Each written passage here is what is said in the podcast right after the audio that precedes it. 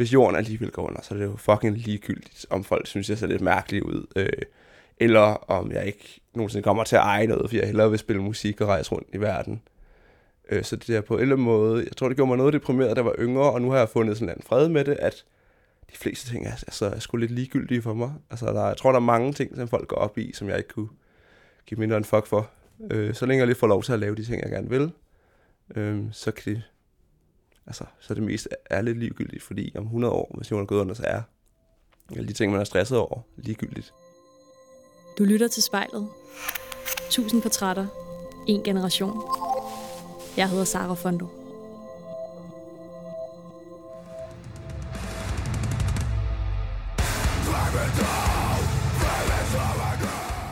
Nogle gange så kan det godt være lidt svært at tale om sine følelser. Så hvad hvis du i stedet for at kunne råbe dem ud på en scene foran tusinde mennesker? Det gør Andreas, som jeg skal møde lige om lidt. Han er 29 år, forsanger i deathcore-bandet Kabal, som du hører her. Og så har han altså fundet en måde at få afløb for en masse tanker og følelser gennem sin musik. Men hvad er det for ting, der kan være svære at tale om for Andreas? Det søger jeg svar på i dag i spejlet. Hej så. Hej, der er et par sko. Ja, du kan bare smide det på bumpen også, hvis det er. Er det altid sådan? Øh, jeg vil pleje faktisk at sidde sådan lidt derovre, men jeg tror måske, der er nogen, der skulle Der- vaske det, og så smide Jeg har gjort rent. Ja. Pænt goddag, bliver med dig. ja, tak. I lige måde. Det er herinde, jeg bor.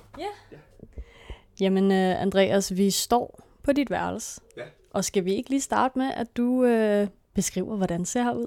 Øhm, der er nogle øh, dårlige IKEA-møbler, øh, som jeg købte lige da jeg flyttede til København, som sådan stadig hænger lidt sammen endnu. Øh, sådan lidt ramponeret efter at have været skilt og samlet nogle gange. Så har han en fed klapstol. øh, og en gammel bas, som jeg ikke rigtig spiller på mere. Nogle øh, malerier, der aldrig er blevet hængt op. Og noget, nogle ting, jeg sådan lidt har samlet i løbet af tiden. Øh, nogle ironiske gaver er der også, og sådan lidt. Så er der en seng, og tv og en guitar over hjørnet. Det er sådan set det. det. Og hvad sådan her på værelset føler du fortæller allermest om, hvem du er?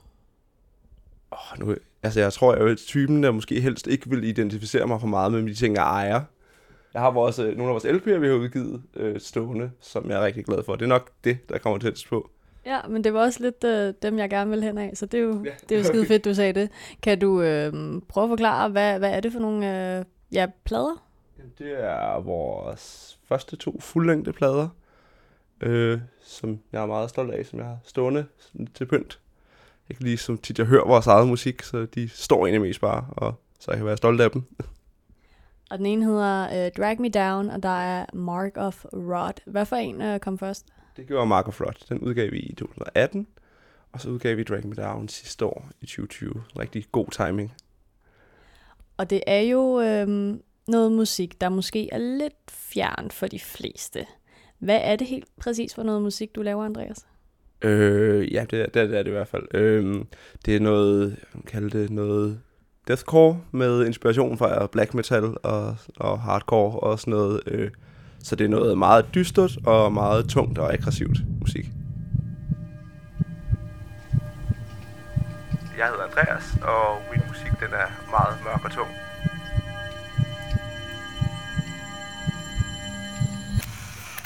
Andreas, nu sidder vi, øh, jeg sidder på din seng, du sidder på en stol, og så har vi et stort, dejligt spejl foran os. Og Ja. programmet hedder jo spejlet, så det er jo lidt fedt nogle gange, at vi også øh, kan bruge det. Så hvis du nu øh, skal se på dig selv lige nu, kan du ikke prøve at beskrive for mig, hvordan har deathcore været med til at forme dig som person? Øhm, jeg tror, altså det der har gjort mest, er ligesom at give et afløb for, for nogle ting. Sige, Den alternative musikscene er ligesom næsten er vokset op i. Øh, har både givet, dem- det var sådan, givet mig nogle gode, føler nogle gode værdier. Øh, men jeg har også et, et sundt afløb for nogle aggressioner og nogle følelser, som måske ikke er så nemme at komme ud med på en sund måde nødvendigvis. Så hvordan har den her musik ligesom kunne ja, give dig et redskab til at få afløb for nogle af de ting? Jamen, jeg tror, det der med at spille noget musik, der er så mørkt og voldsomt. Det er ligesom et univers, hvor der er plads til at komme ud med nogle rigtig mørke tanker. Øh, som måske er lidt, lidt sværere at sige end over midtersporet, ikke? Og så er det ligesom, så skaber det ligesom et univers, hvor det er okay at snakke om de ting, øh, hvor det faktisk er en, du ved, en del, overliggende del af temaet. Øh, snakke om de ting, ja, så igen, som måske vil dræne stemningen rigtig meget, øh, hvis man sidder med vennerne og får en øl. Og hvad er det så for eksempel for nogle ting, eller, eller mørke tanker, du ligesom kan have? Øhm, det er alt fra, at jeg har en teori om, at jorden snart går under, øh, til altså, depression og angst. Øh, så det er sådan alt fra nogle mange internaliserede ting til nogle eksterne faktorer, øh, som er lidt ude af vores hænder, som jeg sådan forsøger at bearbejde igennem mine tekster og mine sådan, følelser omkring det. Og det, ja, og det, det giver bare sådan et frirum, hvor at det ligesom er mig, der skaber det univers. Selvfølgelig har det, som vi snakkede om også, at bliver det mærkeligt at skrive kærlighedssange i det, men det, det er et univers, hvor der er plads til nogle lidt tungere emner, som kan være lidt svære at få bak på banen. Hvorfor tror du, jorden går under? jeg tror, der er rigtig mange klimating, som... Altså, der er nogle forskere, der begynder at sige, at vi har 50 år tilbage til ligesom at få rettet op på nogle af de her ting. Øh, eller jeg vil sige, jeg tror ikke, jorden går under, jeg tror, menneskeheden muligvis uddør. Det er ikke, ikke nødvendigvis det samme, faktisk. Øh, jorden skal sgu nok egentlig klare sig. Øh, men øh, ja, vi har en masse de her klimaproblemer, vi skal have løst, som en, ja, jeg synes langt hen ad vejen af politikerne lader til at være rimelig fucking ligeglade med. Øh, der er sådan en øh, hockeystavsmetode, de har snakket om, som øh, facepalmer lidt over. Øh, så har vi også den, vi se, den måde, som vores øh, i gangværende pandemi bliver håndteret på lige nu. Øh, vi har en masse jeg sige, lande i den, den tredje verden, som har rigtig meget brug for vacciner, dem har vi ikke tænkt os at hjælpe øh, hvilket både i mit hoved er uetisk, men så også sørger for, at den her vaccine bliver ved med at mutere og komme op, så vi kommer ikke videre, før vi tænker at hjælpe folk. Og jeg tror måske, det er meget, sådan, det er også noget, jeg synger om, at det er menneskets sådan, selviskhed, der kommer til at være vores undergang. Det er jeg ikke et sekund i tvivl om. Og påvirker den her øh, tankegang din måde at leve på? Mm, ja, men faktisk vil jeg sige, selvom jeg nogle gange godt kan blive lidt deprimeret af jeg tænker på det, så giver det mig også lidt sådan en, en, en frihedsfølelse, for jeg er sådan, altså, hvis jorden alligevel går under, så er det jo fucking ligegyldigt, om folk synes, jeg ser lidt mærkelig ud, øh, eller om jeg ikke nogensinde kommer til at eje noget, for jeg hellere vil spille musik og rejse rundt i verden. Øh, så det der på en eller anden måde, jeg tror, det gjorde mig noget deprimeret, da jeg var yngre, og nu har jeg fundet sådan en fred med det, at de fleste ting er, altså, er sgu lidt ligegyldige for mig. Altså, der, jeg tror, der er mange ting, som folk går op i, som jeg ikke kunne give mindre en fuck for. Øh, så længe jeg lige får lov til at lave de ting, jeg gerne vil, øh, så kan det, altså, så er det mest ærligt ligegyldigt, fordi om 100 år, hvis jorden er gået under, så er alle de ting, man er stresset over, ligegyldigt. Min musik tillader mig at opleve verden på en markant anderledes måde, end de fleste får lov til. Jeg hedder Andreas.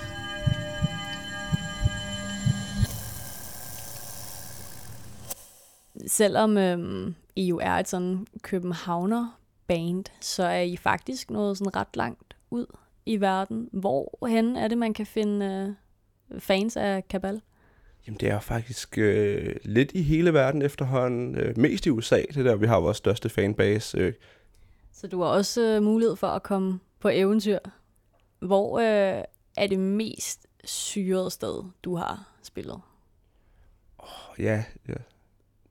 Jeg, jeg tror, at de fedeste og mest anderledes steder, vi har spillet, var i Japan.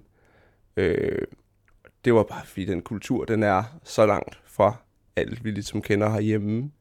Øh, og på en enormt fed måde. Det var sådan, det er nok det sted, vi har været, hvor man, vi har været mest sådan, wow, hvor er det anderledes, men også rigtig fedt.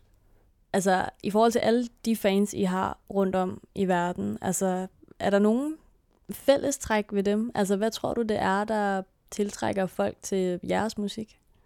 Øhm, jeg tror, altså selvfølgelig, jeg tror, der er nogen, der bare godt kan lide musikken.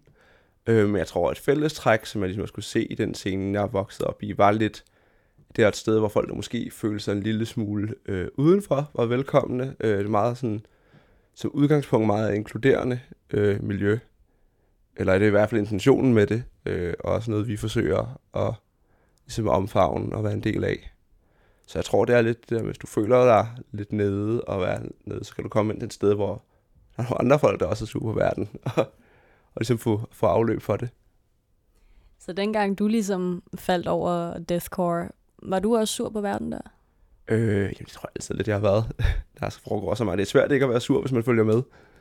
Øh, men jeg tror, jeg var... Da generelt, da jeg fandt metal, var jeg jo øh, ikke, ikke særlig gammel. Øh, jeg tror, i starten var det mere sådan en... At jeg synes, det var spændende, fordi det var lidt uhyggeligt. Øh, men så var der så også en masse i det, som ligesom... Øh, jeg gav noget afløb for at føle sig lidt udenfor. Øh, jeg voksede op i Fredericia, som er en, øh, en mellemstor by i land, øh, hvor der faktisk heldigvis var en scene for det her et ungdomshus, som jeg kom meget på.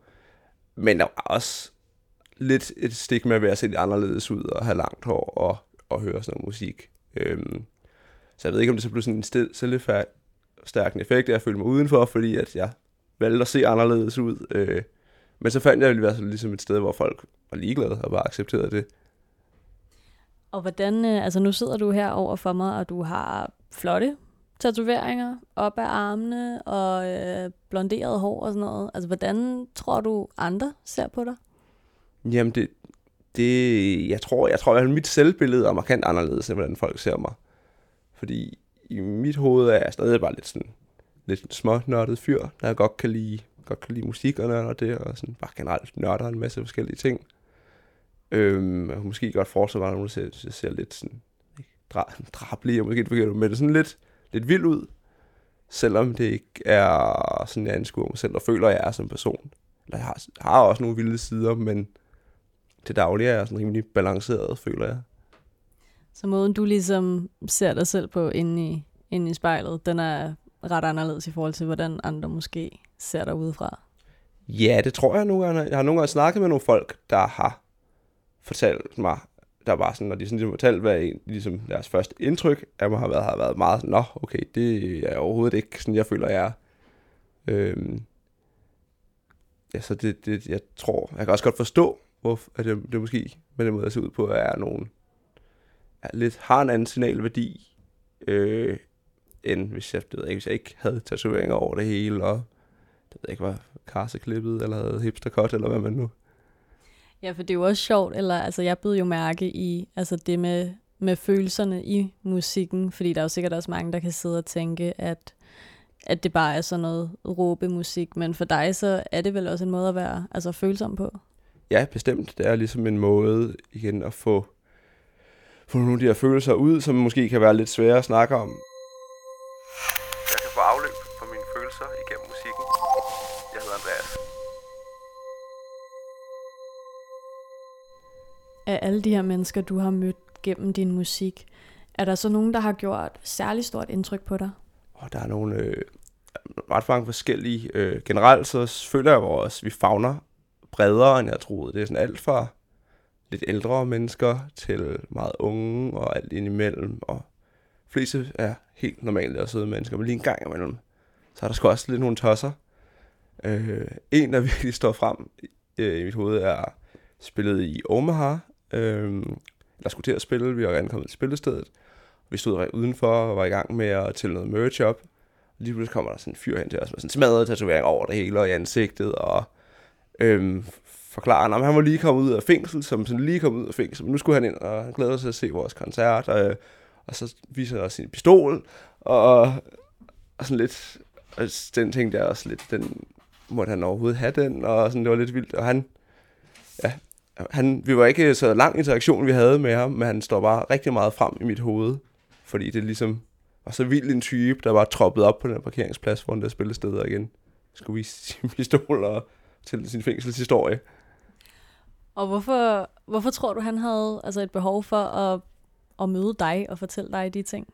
Øhm, jeg ved det ikke, ikke helt sådan ned, hvad der egentlig foregået i hans hoved, men jeg har lagt mærke til, at folk har en tendens, måske fordi de ligesom føler, der er, bliver åbnet op for nogle, de har lidt svære ting at snakke om igennem den her slags musik, til nogle gange at fortælle en deres livshistorie. Det sker nogle gange for os, når vi står i merchboden og snakker med folk bagefter, at folk ligesom, så får man bare hele, hele livshistorien, og bliver har fortalt, hvorfor ting er gået galt, eller Øhm, og det er også, øh, og det er egentlig sådan også lidt et kompliment, at folk er villige til at dele de her ting med os, men nogle gange er det også lidt overvældende og lidt vildt, når man står og tænker, Nå, men hej, fremmed en person, så man lige talt, hvorfor er din kone er gået fra dig, og du har mistet dit job, og øhm, til mig, som også er en fremmed person. Og for, men jeg tror måske, at nogle af dem føler, at de på en eller anden måde lidt har et eller andet forhold til os igennem musikken, uden nogensinde at møde os. Ja, altså hvordan er det at vide, at det I laver ligesom ja, kan, altså, kan hjælpe mennesker igennem nogle, nogle svære tider? Øhm, det, det er rigtig fedt, og det er jo et, ja, et kæmpe kompliment, og også noget, der gør, at man ligesom at, har, virkelig har lyst til at blive ved. At hvis det her betyder så meget for nogen, som ikke er involveret i det på det samme måde, som vi er, og selvfølgelig betyder det meget for os. Vi bruger al vores tid på det, og det er vores passionsprojekt. Men den idé om igen, at der sidder nogen på den anden side af kloden, hvor det betyder så meget for, at, ja, at det ligesom bliver en del af, der, af deres liv. Folk får også tatoveret vores logoer, og så sent som en halvanden måned siden, var der en, der fyr sendte et billede af, at han havde fået en af vores øh, sangtitler tatoveret i ansigtet. Øh, så det er også næsten, næsten lidt overvældende, at folk øh, dyrker det så meget, men også rigtig fedt, for jeg kan også, tror også, jeg selv kan huske, hvordan det var dengang, man var måske var lidt yngre, eller var sådan fanatisk fan af noget. Øh, og det med at have den slags fan selv, føles bare lidt, lidt mærkeligt. Øh, men også rigtig fedt. Havde du regnet med, at I vil altså, nå til et punkt, hvor at der er en gut, der får tatoveret en sangtekst i, i ansigtet? Øh, nej, aldrig. Øh, vi startede, øh, det har været i 2015, startede vi altså over på Heinvaldsgade, øh, ikke så langt herfra. Stod spillede i en sådan et øvelokale bunker-ting.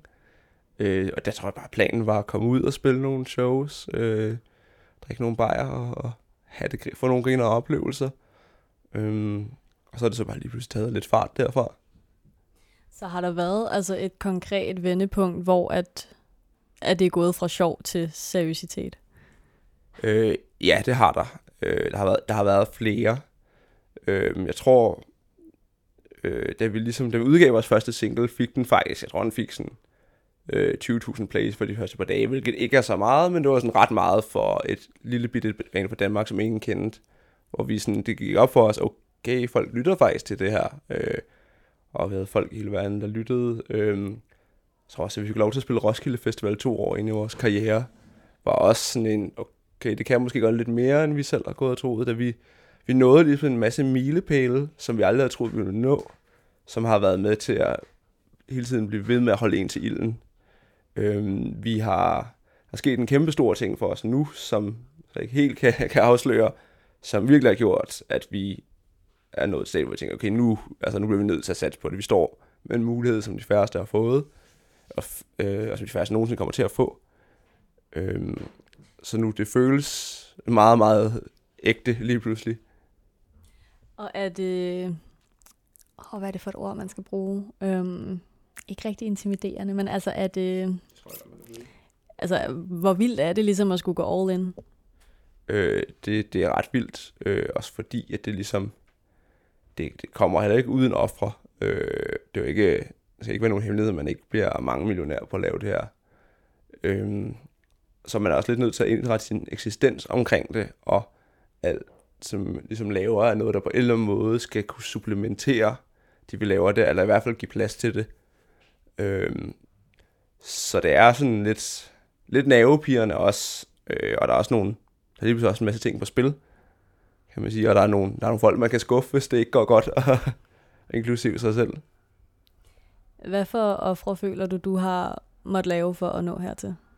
Øh, jeg har nedprioriteret øh, karriere på mange punkter, været sådan valgt jobs, som måske ikke har betalt så godt, men fordi de ligesom gav plads til at kunne lave det her, og kunne smutte afsted med kort varsel. Øh, så sådan noget, som bare kunne glip af, altså, af venners fødselsdage og fester, og sådan, øh, hvor det nogle gange, hvis man har spillet, siddet, spillet en eller andet koncert, måske ikke var så fed, et eller andet mærkeligt sted i Østeuropa, og sidder og kigger på Instagram og ser sine venner, der til en holder sin fødselsdagsfest, og man tænker, åh, det ville jeg hellere have gjort, det der.